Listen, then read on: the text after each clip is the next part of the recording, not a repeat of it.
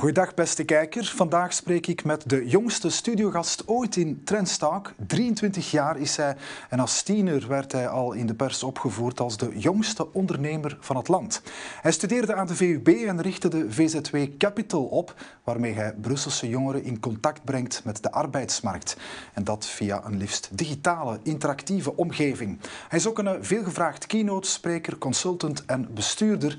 En hij is zeer welkom ook hier, Hassan Al-Hilou. Welkom in de studio. Dank u wel, Jan. Meneer Alilou, 23 ehm, jaar bent u op die leeftijd. Ikzelf en de meeste mensen die ik ken, die waren toen wat aan het afstuderen, vroegen zich af wat ze met het leven zouden beginnen, zaten wat op een café. Maar uw traject ziet er heel anders uit. Hoe ziet de agenda van deze 23-jarige man eruit? Je kan me alvast Hassan noemen. Dag eh, dus uh, mijn agenda de laatste tijden, uh, maar ook de laatste jaren is zeer druk. Ik zeg altijd, ik ben potentieel 23 op mijn paspoort, maar veel ouder qua ervaringen en dagen dat ik kan beleven. Zo ben ik vaak in het binnenland, maar ook in het buitenland. ik ben iemand die co-creëert, dus heel veel vergaderingen samen met mijn team, samen met externen rond maatschappelijke uitdagingen nadenken. Ook keynote speaker, dus ook vaak in bedrijven gaan om toelichting te geven rond diversiteit, rond inclusie. Maar ook uh, in het buitenland en vooral voor andere opdrachten, zoals mijn mandaat als bestuurder bij UNICEF, was ik nog vorige week in Genève voor twee dagen, waar ik uh, uh, kon genieten van nieuwe kennis rond hoe werkt UNICEF, hoe ziet de governance eruit. Ook netwerken met internationale mensen die allemaal betrokken zijn bij UNICEF. Dus ik doe alvast een paar dingen die misschien mijn leeftijdsgenoten minder doen. Ja. ja, wij hebben uw agenda nog een beetje drukker gemaakt, want vandaag zitten we in Trends we gaan het hebben over Capital VZ2 waar jullie actief zijn op Brussel, in Brussel op die uh, arbeidsmarkt. Nu, kort samengevat, wat, wat is, wat doet Capital VZ2? Eigenlijk heel simpel. Uh, twee jaar geleden zijn we tot stand gekomen en we gaan daar straks misschien veel dieper op ingaan. Maar ja. dat er heel veel maatschappelijke uitdagingen zijn gelinkt aan jeugd. En vooral wanneer het gaat rond uh, tewerkstelling, rond het arbeidsmarkt, rond het onderwijs enzovoort. En dus dacht ik als afgestudeerde in het innovation management van hoe komt het dat we niet meer sociale innovatie hebben binnen deze sector? Hoe komt het dat uh, het thematiek jeugd nog heel klassiek is? Wanneer je kijkt naar alle verenigingen enzovoort. En dus dat is eigenlijk uh, waar ik besloot om uh, Capital op te richten. Met als essentie of als eerste reden om een innovatiehub te worden. Een jeugdinnovatiehub. Namelijk dat we samen met partners, met externe, maar ook interne gaan nadenken over wat kunnen we nu creëren, vernieuwend, innovatief, om de jongeren te ondersteunen in hun groei. En dat kan gaan richting arbeidsmarkt, dat kan gaan richting uh, tewerkstelling of te, uh, richting ondernemerschap. En dus dat is de essentie van Capital. En zo hebben we ook meerdere diensten al gecreëerd uh, binnen Capital die ook heel innovatief zijn. En in die zin is het dus ruimer. Het gaat niet alleen over de arbeidsmarkt. Het gaat over ja, jongeren helpen om zichzelf te ontplooien. En zegt u dat gebeurt nog te vaak op een heel klassieke manier. Het kan heel anders, zoals wat jullie doen? Ja, dus eigenlijk, uh, wij focussen ons op twee zaken uh, binnen Capital. Hè. Innovatie gericht op inkomen of invloed. Dus we kijken altijd naar projecten waar we jongeren kunnen ondersteunen in het hebben van een inkomen. En dus dat kan gaan rond echt arbeidsmarkt, maar ook ondernemerschap of een of andere uh, zaak. Voor studerende jongeren misschien een stage. Maar ook invloed, namelijk innovatieve projecten waar jongeren sterker in hun vel kunnen staan. Waar ze misschien meer in het media kunnen spreken. En wij geloven dat inkomen en invloed meer dan ooit ook bij elkaar moet zijn in het groei uh, van een jongere. Ja, dus, macht is uh, zilver, invloed is goud. Ja, zoals uh, Olivier en Peter misschien ja, Peter in de een, keizer van Grootink ja, en in Olivier boek zeggen. Natuurlijk, bij ons invloed houdt zich meer bezig op de individuele invloed. Namelijk, ik als individu, hoe kan ik sterk in mijn schoenen staan om een gesprek te voeren met een journalist enzovoort. En dus zulke innovatieve uh, zaken trachten we te creëren. Ja, ik lees op jullie website dat jullie een veilige haven willen zijn om talent te ontwikkelen. Een veilige haven in Brussel, uh, dat is jullie actieterrein momenteel. Wat bedoel je juist met een veilige haven? Of waarom is er nood aan een veilige andere omgeving? Kijk, wat we hebben gerealiseerd twee jaar geleden, dus dat was nog het lockdownperiode, is eigenlijk dat uh, vele jongeren geen ruimte hadden, toekoor.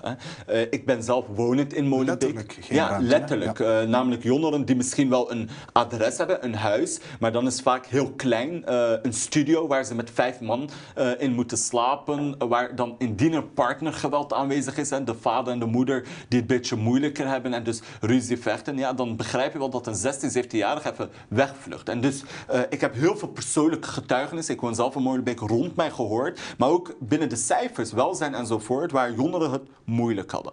En dus dan dachten we van oké, hoe kunnen we die jongeren ondersteunen? En dan merken we dat het al kan met gewoon een ruimte aanbieden. Ja, heel basics, maar heel basic. plek om om gewoon eigenlijk te, uh, te, zijn, je ding te doen. Maar ook vooral die niet door een of ander uh, persona eigenlijk gedomineerd is. Hè? Dus het is dan niet gedomineerd door het mannelijke cultuur. Het is niet door de vrouwelijke cultuur. Nee, gewoon een ruimte waar we één focus hebben. En dat is jezelf ontwikkelen. Dus elk jongen die bij ons binnenkomt, moet zich bezighouden met ontwikkelen. Dus je kan bij ons niet komen pintelieren. Je kan niet bij ons komen roken. Wat ook leuk is. Maar dat heeft andere plaatsen. Nee, bij ons kom je oprecht om je te ontwikkelen. En die veilige haven zorgt dat de jongere weet waarom die naar onze adres komt, hè, Antwerpse Laan 40. Maar op hetzelfde moment vooral het omgeving van die jongeren vinden het belangrijk. Namelijk als vandaag een moeder of een vader naar een jongere belt die vandaag uh, in ons gebouw zit en er is dan de videocall hè, om dan te kijken van oké, waar bent u? Hè? En dan zien ze het gebouw van ons, hoe veilig het is, hoe modern het is. Hè? Je ziet weinig, uh, laten we zeggen, van de zaken die een beetje angstig kan zijn voor ouders. Is er voor ouders ook een veilige haven. En dus uh, dat is wat we trachten te bouwen en het lukt. We hebben 21 5000 bezoekende jongeren over het vloer gehad en we hebben de voorbij dus van januari tot en met eind april, meer dan 4600 bezoekende jongeren over het vloer gehad. Dus je merkt dat de jongeren oprecht nood hebben aan zo'n veilige haven. Ja, u stapt daarmee um, in een, een, stuk in een sector, het is een VZW. Er zijn heel wat verenigingen um, die aansluiting zoeken bij de jongeren, die jongeren mee op pad willen helpen.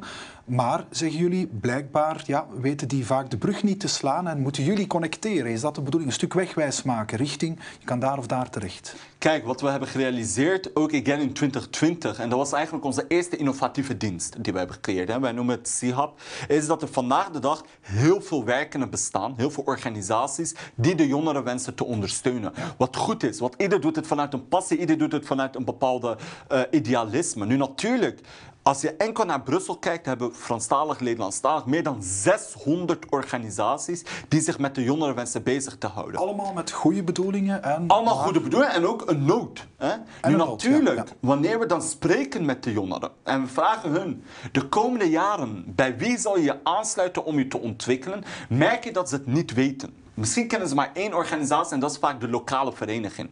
En dan vraag je je af van hoe komt het? En eigenlijk komt het eigenlijk door de fragmentatie die er aanwezig is. Indirect, bewust of onbewust. Hè? Maar dat is een fragmentatie van organisaties die ieder alleen werkt, die mogelijk samen wenst te werken, maar niet binnen een structuur. En waar wij zeiden van oké, maar een jongere heeft geen nood aan het zoeken naar 600 organisaties en zal eigenlijk onmogelijk gaan wandelen van de ene naar de andere organisatie. Wat als we ze laten samenwerken onder één koepel eigenlijk? En dat is eigenlijk wat Capital dan binnen de CIHAP-programma doet. Dus in ons gebouw zijn wij een beetje de IKEA van jeugdontwikkeling. Ah ja, het idee is heel simpel. Een jongere komt binnen alsof die een IKEA binnengaat en die zal alles moeten vinden. Een one-stop shop alles, vonden, alles moeten vinden rond zelfontwikkelen, om zichzelf te kunnen ontwikkelen. Dus van de klerenkast tot het kamerplant ja. de plooistoel, in één gebouw. Maar bij ons zijn dat organisaties. Dus dat zijn verschillende eh? organisaties. Nee, wat wij eigenlijk doen is organisaties kunnen hun activiteiten in ons gebouw organiseren. In plaats van dat ze versnipperd zijn in tientallen andere adressen, zitten ze nu op één adres. Een jongere komt binnen die zegt: Ik wens me met dit en dit te ontwikkelen. En dan gaat hij van de ene activiteit naar de andere activiteit in één gebouw. Wel zelfstandig. En dat is het schoonheid van IKEA. Omdat wij ons focussen op massa, kunnen we niet elk jongere individueel ondersteunen. Dus wat wij vooral doen is zeggen kijk, alles is er in één plaats. We geven je zelfs een boekje, bij wijze van spreken, om te zoeken waar kan ik naartoe gaan, voor welke ontwikkeling.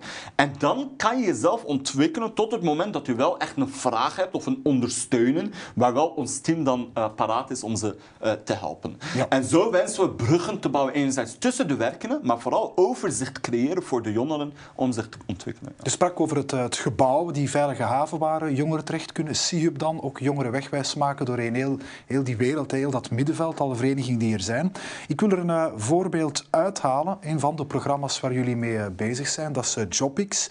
Um, dat heeft begin mei plaatsgevonden. Dat was vorige week een hoogtechnologische hub. En daar kwamen een pak jongeren samen. We kijken naar een verslag of een fragment erover van onze collega's van de Brusselse zender Brus. Van hologrammen tot VR-brillen. Het zijn allemaal innovatieve tools die Brusselse jongeren moeten klaarstomen voor de arbeidsmarkt. JobX moet dan ook een hoogtechnologische jobhub worden voor jongeren. We zitten nu bij de uh, hologramhub. We hebben hier uh, vier bedrijven, Ubelius, PNV, Colruyt uh, en Sofina. bij elke bedrijf hebben we een paar werknemers die een paar vragen beantwoorden. Wat wil jij later worden? Ik wil acteur worden. Ja?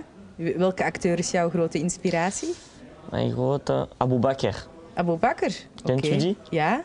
Van Black. Ja, van Black. Dat is een film van? Adil en Bilal. Oké, je bent al geslaagd. Of je nu acteur, politieagent of advocaat wil worden, Capital VZW probeert jongeren op een creatieve manier wegwijs te maken in het werkleven. En dat valt in goede aarde bij de studenten.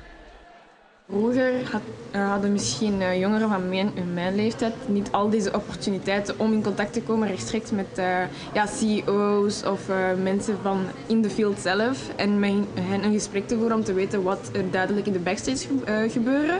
Maar nu hebben wij duidelijk de opportuniteiten om met hen in gesprek te gaan, vragen te stellen en ook heel veel informatiebronnen, zoals hier in de Capital.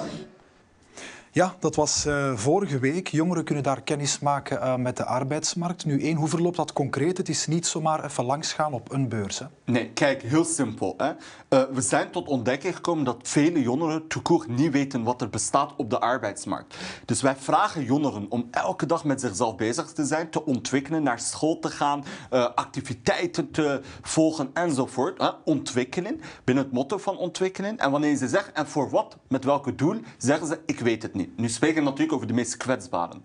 Dat is niet, ik weet het niet omdat ze in een luxe positie zitten. Hè, van, weet je, ik studeer af en dan zie ik wel wat er gaat komen. Nee, dat is, ik weet het niet omdat ze in hun omgeving gewoon niet weten wat er bestaat.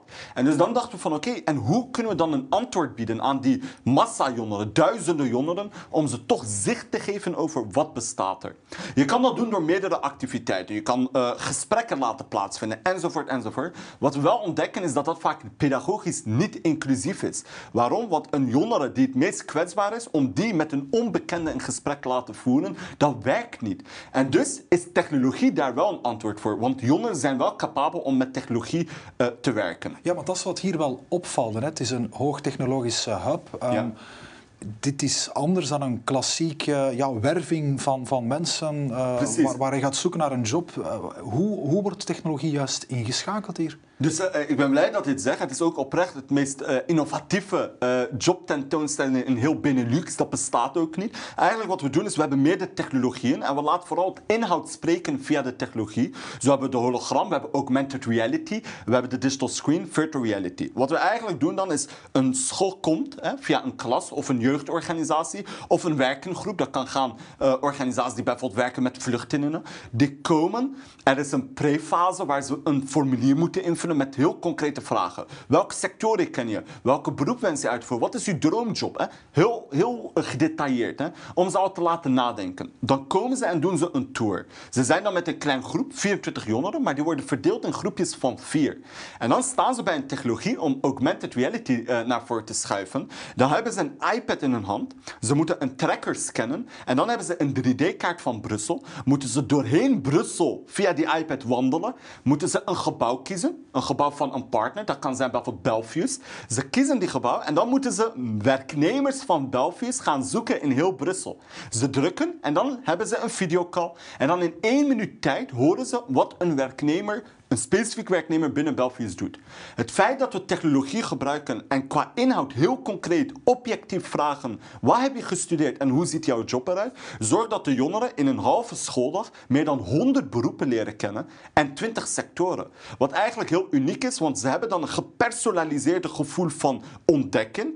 Maar omdat we technologie gebruiken en eenmalige opnames, kunnen we doorheen een schooljaar duizenden jongeren eigenlijk informeren en inspireren. En is net het uh, van die technologie als drager van de boodschap van de communicatie, is dat bij deze digitale generatie uh, drempelverlagend dan net? Maakt het makkelijker als het via de iPad verloopt? Kijk, het, is, het heeft meerdere redenen waarom we de technologie hebben gebruikt. Enerzijds, de experience part. En JobX staat voor Job Explore, Job Expand, Job Experience. Het experience, het is voor jongeren leuk om jobs te ontdekken. Ze beleven het. Het is een, een happening, een event, er gebeurt iets. eh. Wat is de alternatief vandaag? Vandaag kan je gaan op een site en je kan 100 jobs via A4's gaan lezen. Of 100 filmpjes eh, van 2, 3 minuten gaan bekijken. Of je gaat echt naar een jobbeurs waar massa aanwezig is om 100 beroepen te ontdekken. Dat is geen experience. Wat wij doen is via de technologie een experience creëren, maar ook de inclusiviteit naar voren. Want wij maken een eenmalige opname. De opname is door meerdere adviesgroepen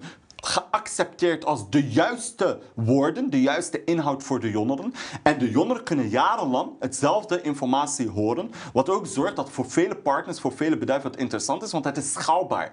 Namelijk, we hebben het eenmalig in Brussel gedaan en dat gaat de komende jaren blijven in Brussel, die tentoonstelling. Maar je kan overal eigenlijk daarmee naartoe gaan zonder veel extra kosten. Want ik moet niet extra fulltimers inschakelen. De bedrijven moeten niet elke dag hun schoolpoort of hun poort eigenlijk openen voor scholen. En dus dat is eigenlijk eh, een van de vele redenen eh, waarom JobX toch wel innovatief is. Nu Jan, ik moet wel zeggen, we werken al twee jaar daarmee hè, met heel veel pedagogen, leerkrachten. Dus het innovatie is niet enkel de technologie, maar ook de pedagogie die erachter ligt. Ja, ja, ik voel u dat u hier eh, zeer gedreven over spreekt. Het is ook het speerpunt van die innovatie waar u mee bezig bent. U kan het exporteren naar, naar andere steden. U noemde het op sociale media, Twitter ook. Dit is een van de mooiste dagen. Achteraf tweet u erbij misschien de mooiste Waarom de mooiste dag in uw carrière?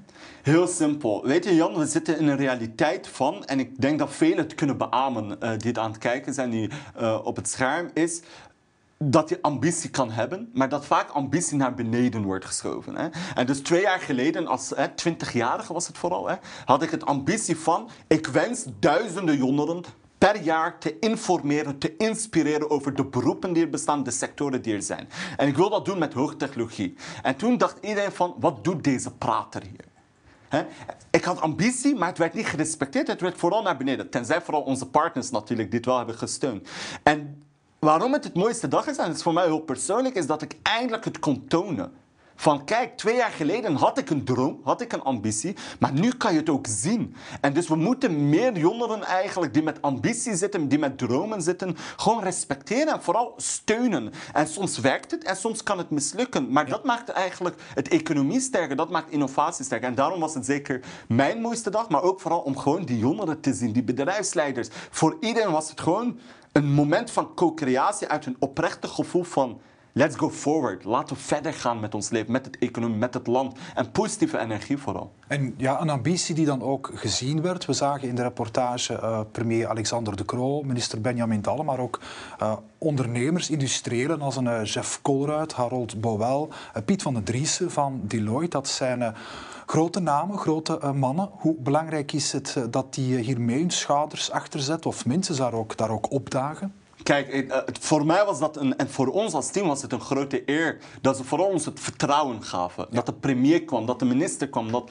al die bedrijfsleiders aanwezig zijn. Dus die vertrouwen is van belang. Want dat is Het een feit- label, hè, inderdaad. Wanneer ze zeggen van kijk, ja, wij verbinden ons hier ook aan. Dat is een label van vertrouwen. Belangrijk om verder te groeien. Natuurlijk, maar ook vooral belangrijk omdat ze zeggen: het is voor ons meer dan een contract of een eh, werken. Nee, het is een geloof in. We moeten meer doen rond jeugdontwikkeling en vooral vanuit innovatieve zaken. Nu, natuurlijk, jij zag al de bedrijfsleiders, dat eh, heel mooi is. Maar wat vooral schoner is binnen Capital, is dat vele mensen binnen het bedrijf constant in contact zijn met ons om met de jongeren te werken. Zo hebben we met eh, Deloitte bijvoorbeeld en Nestlé een programma waar hun consultants gedurende een halve dag samen met jongeren eh, werken aan het cv opstellen, een LinkedIn-profiel creëren enzovoort. We hebben vanuit Bosch eh, een vrijwilliger die ons ondersteunt in de avondprogrammaties enzovoort. Dus je hebt de bedrijfsleiders, maar het is ook echt gedragen door de mensen in het bedrijf die ons eigenlijk constant achter de schermen vooral steunen. Ja, wat u ook al eerder zei, is dat u de ambitie heeft eh, Capital VZ2 zelfbedruipend te maken. Om duidelijk te zijn, zo'n jobbeurs zoals vorige week, bedrijven strijken daar neer. Zij hebben er ook iets aan en zij vergoeden ook natuurlijk. Hè. Zij Ja. willen die jongeren bereiken, ze hebben ze nodig. Ja, dus eigenlijk eh, eh, vanuit het innovatieve benadering rond jobcreatie, jobinnovatie, wensen we dat elk programma ook financieel zelfdruipend is vanuit een interessant financieringsmodel. en zo hebben we dus bij JobX bewust gezegd van, nu natuurlijk in Brussel, dat elk sector die we wensen te tonen, één bedrijf een exclusiviteit erover eh, kan hebben. En die betaalt dan volledige kost eh, gelinkt aan eigenlijk het creatie, maar ook het eh, opvolgen enzovoort. En dus zo hebben we elk bedrijf die binnen zijn sector de exclusiviteit vraagt. Nu natuurlijk, voor hun is dat heel veel redenen waarom ze dat doen. Enerzijds is dat employer branding, dus eh, vele jongeren, duizenden jongeren zien hun naam, zien hun logo wanneer ze het sector horen. Maar anderzijds is het voor hen ook vooral belangrijk in de innovatie die we nog gaan bouwen. Want we staan niet stil, hè. we willen nog verder innovatieve producten ontwikkelen en diensten ontwikkelen. En dus die bedrijven zitten ook bij ons in een soort pipeline of innovation, pipeline of youth innovation. Ze willen altijd op de hoogte zijn, wat is the next thing to be created? Hè? Ja. En dus je ziet meerdere factoren waarom ze eh, mee samenwerken. Maar het klopt wel dat ze financieren alsof ze in een jobbeurs of in een eh, studiebeurs eh, een stand hebben. Wat natuurlijk bij ons pedagogisch veel inclusiever is en ook veel goedkoper. Ik wil het even hebben over uw werkgebied, Brussel. U werkt voor meertalige, niet alleen Nederlandstalige, meertalige jongeren. Werkgelegenheid is in Brussel een groter probleem dan in de rest van het land. Ook, nou, ook als je het gaat benchmarken, Europees of wereldwijd zelfs, Ja. een globale werkloosheid momenteel van 15 procent. In het geval van jongeren een beetje gedaald, zoals ook elders momenteel de werkloosheid gedaald is. Maar toch, er is een jongerenwerkloosheid van 22,9 procent. Dat betekent dat meer dan 1 op de 5 jongeren tot 25 jaar die aan de slag zou moeten zijn, dat niet is. Ehm, dat gaat over een 7.000, 8.000 jonge mensen. Dat is heel spijtig Ja. en heel pijnlijk voor Brussel. Hoe komt dat eigenlijk? Kijk, er zijn vele redenen. Hè. Ik kan hier niet met één reden naar voren schuiven. En ik kan, ik kan ook niet spreken over de Brusselse jongeren. Hè. Ik kan wel spreken over de jongeren die bij ons over het vloer komen. Ja. Hè. En we hadden bijvoorbeeld in april rond de 1400 bezoekende jongeren over het vloer. Hè, in één maand tijd. Hè. Wat we daar horen en zien, hè, achter de cijfers, is vooral verhalen. En dat is vaak wat we vergeten, is dat achter cijfers verhalen zijn. Dat zijn individuen met passie, talent en die oprecht vooruit willen gaan. Geen jonge gast wil thuis zitten. Geen jonge gast wil rondhangen op straat. Ieder wil een leven bouwen, ieder wil een carrière bouwen, ieder wil iets doen met zijn eh, eigen zelf. En wat we dan merken is, er zijn terughoudende factoren die ervoor waken dat ze niet vooruit kunnen. Om een voorbeeld te geven, nu onderweg naar hier eh, was ik aan het spreken met een jonge gast eh, die, again, meertalig, Nederlands, Frans eh, en andere talen, maar vooral die eerste twee hadden. Natuurlijk spijtig genoeg niet afgestudeerd van het middelbaar, maar dan zijn er nog beroepen beschikbaar. En dan wanneer je eigenlijk zegt, maar, maar er zijn toch zoveel vacatures open. En gisteren had ik hetzelfde gesprek. Er zijn zoveel vacatures open. Dan is hun antwoord van, maar ik ga en ik solliciteer, maar toch krijg ik vaak een sorry te horen. sorry, we hebben Dus niet. Vorige week in het, in het nieuws is er... ehm, Brussels Airport zoekt 1200 Precies. mensen, een fijne werkomgeving, hospitality, vlakbij Brussel, in Bru- tegen Brussel. Je Proximus zoekt 3000 mensen om de fiberkabels te leggen. Dan denk je, ja, die, die, die arbeidsmarkt, dat weten we, die, is, eh, die draait als een tierenlier. En toch raakt men daar dan op het einde van de rit niet binnen in zo'n bedrijf. Akkoord. Allereerst, die bedrijven mogen ons zeker contacteren om een gesprek mee te hebben. Toch is er, zoals ik zei, achter cijfers verhalen. Wat we zien bij Brussels Airport, wat we brennen, we proberen al, hè, zonder samenwerking, zelfs al jongeren richting eh, Brussels Airport te brennen. Het zijn vaak jongeren zonder rijbewijs. Indien ze rijbewijs hebben, hebben ze misschien ook geen auto. Met een heel bewuste reden. Vaak zijn het heel kwetsbare, arme jongeren hè, die het geen geld hebben. Wat zijn vaak de beroepen? Dat zijn beroepen die eigenlijk wordt gevraagd binnen uren waar geen openbaar vervoer is. Hè. Vooral Brussels Airport. De grote piek van waar eigenlijk mensen of nood aan is, is rond drie uur in de nacht, vier uur in de nacht, vijf uur in de nacht. Dus je hebt geen trein, geen bus, maar ook geen shuttle-dienst eigenlijk die daarvoor kan zorgen.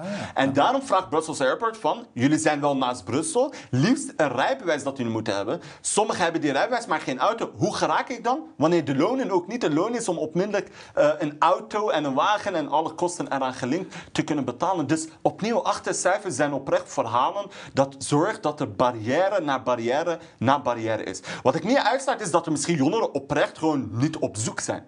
Maar dan moeten we hun een ander eh vehikel geven. En misschien willen zij niet werken, maar ondernemen. En dan moeten we ook steunen. Hè. We moeten ze niet allemaal richting de arbeidsmarkt brengen. Als iemand zegt, ik wil ondernemer worden, moeten we ook met hun op zoek gaan. Welke ondernemen? Wat wil je worden in een ondernemen? Enzovoort. Maar we moeten eigenlijk terug naar het talent van het individu gaan. Goed luisteren naar het verhaal achter waarom het werkt en vooral waarom het niet werkt. En dat is heel intensief. En daarom ben ik dankbaar om een sterk team, een heel krachtig team te hebben die elke dag met luisterende oren die jongeren ondersteunen. Het uh, voorbeeld dat u geeft van uh, Brussels Airport, de jobs die er beschikbaar zijn, illustreert dat dat werkgevers vaak met blinde vlekken zitten. Ik zou misschien niet gedacht hebben, god ja, inderdaad, je hebt een auto nodig om, om die job te kunnen uitoefenen en dat hebben veel jongeren niet. Kom je dat vaak tegen, want daar zit ook niet meteen een slechte bedoeling achter. Het is een blinde vlek van een werkgever. Kijk, wat we merken en de reden waarom zoveel bedrijven aansluiten bij Capital is, zoals je zei, dat ze op zoek zijn op zoek zijn naar antwoorden. Namelijk, waarom lukt het ons niet? En om die antwoorden uh, te bieden, moeten we werken met innovatie. We moeten werken aan nieuwe diensten, nieuwe methodologieën. Voorbeeld, zoals ik zei, in Brussels Airport. Hans Maartens van FOCA heeft dat ook een keertje toegelicht tijdens een gesprek uh, die we hadden. Hè. Maar een shuttle-dienst, dat kan toch ook gecreëerd worden? En dan heb je eigenlijk al een uh, antwoord gebied. En dus die blinde vlek is aanwezig, want ja, laten we eerlijk zijn. Wie zit er daar aan de top van bedrijven? Hè? Zijn het vaak de meest kwetsbaren? Ieder met een goede bedoeling, maar de kwetsbaren worden niet gehoord. De jongen worden zelden binnen de strategieën gecreëerd. En dus we zijn dankbaar dat vooral veel partners bij ons in Capital stappen om eigenlijk mee te denken en vooral te luisteren naar, oké, dit zijn de fenomenen en zo kunnen we werken. En de reden ook om die innovatiehub te zijn, is om massa-jongeren te ondersteunen. En daarvoor hebben we ook massa-partners uh, nodig. Ja. ja. in dit voorbeeld zagen we een sociaal-economische hindernis. Hè. Iemand heeft niet de middelen om een auto te hebben, met de gevolgen van dien. Waar jullie natuurlijk ook fors op inzetten, is duurzaamheid onder meer, maar dus ook diversiteit. Brussel, tweede meest diverse stad in de wereld, hè, zoals New York. Ja. Um, goed, um, is hoe zit het wat dat betreft bij onze bedrijven in het algemeen? Is, uh, is het nog vaak zo dat diversiteit te veel PR is of te veel window dressing? Of zijn we daar stilaan echt voorbij? Kijk, wat we merken bij bedrijven, wanneer ik persoonlijk hè, vanuit mijn pet als uh, diversiteit keynote speaker enzovoort uh, in bedrijven moet spreken, is dat er wel nood is. Nood is aan het zien van de diversiteit allereerst, want sommigen zien het nog steeds niet, oprecht. Maar eerst de diversiteit te zien en vooral hoe kunnen we ermee omgaan. En in mijn keynote Stop Crying, The Power of Diversity, begint met Stop crying. Stop met stop huilen. Met huilen En dat is krachtig. En dat heeft twee redenen. Enerzijds stop met huilen voor diegenen die nog steeds de diversiteit ontkennen. Namelijk, weten we negeren het, want het gaat ooit weg. De realiteit is dat België, steden zoals Brussel, Antwerpen, Gent, diverser dan ooit worden. Maar ook mooier dan ooit worden door zijn diversiteit. En de tweede reden van die, uh, stop met huilen is diegenen die wel aan de slag willen. Hè? Die wel diversiteit willen binnenhalen, maar niet weten hoe. Hè? Die oprecht niet weten hoe. Voor hun hebben we eerst een boodschap om te zeggen Doe een zoektocht, zoek het zelf op, maar durf ook mensen aan te spreken die reeds expertise en ervaring hebben in die uh, materie om te kijken hoe het kan. En dan, hè, keizer Augustus zegt het, en hier citeer ik geen burgemeester van uh, uh, een bepaalde misschien, stad misschien, hè, maar die zegt, festila lente. Haast u langzaam. Haast u langzaam. En dat is oprecht hoe wij om moeten gaan met diversiteit. We moeten ons haasten, want de realiteit van diversiteit is meer dan ooit aanwezig, die is groot en die is ook krachtiger. De jongeren vandaag, de diverse jongeren hebben een stem en die laten hun stem ook echt horen. Over jeugd gesproken, onze tijd zit er bijna op, maar ik wil toch even polsen naar u. Ik zei het al in mijn introductie, wie, uh, wie persartikelen over u opzoekt, die uh, komt, u, komt, al vaak, uh, komt jou al vaak tegen als zijnde de jongste ondernemer van het land. Ik spreek dan over publicaties in 2018, 19. Niet zo lang geleden, want u bent nog maar 23. heel kort, van waar komt dat? Hoe, wanneer bent u en wat juist beginnen ondernemen? Kijk, ik ben oorspronkelijk begonnen uit nood om te ondernemen. Namelijk, ik had centen nodig. En op mijn 15 jaar was er geen uh, studentenjob ter beschikking voor mij. En dan dacht ik, misschien is ondernemerschap wel een antwoord voor mij. Het begon heel simpel met sjaals verkopen. Honderden sjaals online kopen, verkopen. Mijn familie het ook door laten verkopen, centen verzamelen. En ik wou iets groters. En dus heb ik dan een start-up opgericht binnen de technologische sector, uh, waar ik heel veel van kon leren.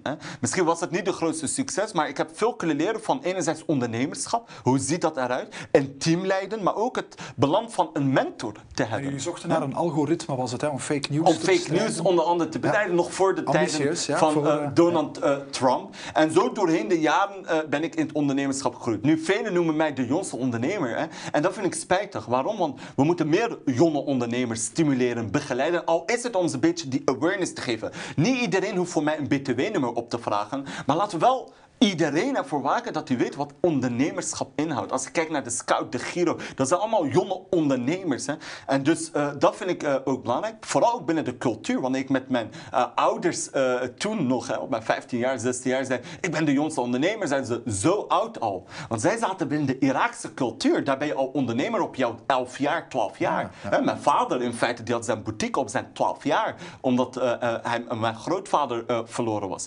En dus laten we gewoon ondernemerschap ook uh, meer uh, bij de jongeren uh, naar voren schuiven. We zijn nu 2022, in 2050. Wie nu in Brussel geboren wordt, is in 2050 een, een twintiger. Welk traject zullen die idealiter afleggen? Waar staat een twintiger in 2050 in onze hoofdstad? Kijk, eh, ik ben een innovator eh, en ook een beetje de manager in het verhaal. Ik kan heel praktisch antwoorden, maar ook heel idealistisch. Het praktische is dat ik oprecht hoop dat ontwikkeling jeugdontwikkeling meer dan ooit gepersonaliseerd kan worden. Wij zijn nu met een nieuw programma bezig, dat heet de Digital Youth Road, waar we eigenlijk ervoor zorgen dat elk individu, elk jongere vanaf zijn zestiende een digitale paspoort heeft om te weten welke stappen van ontwikkeling heeft hij nodig de komende jaren om zijn talent te benutten en zijn doel te bereiken. En dus ik hoop in 2050 dat er zoiets al bestaat. Hè? Namelijk dat elk individu, niet in massa, maar als individu zich kan ontwikkelen vanuit zijn talent en nood. Het idealistische uh, laat me, ik hoop oprecht dat de jongeren hun plaats kunnen vinden en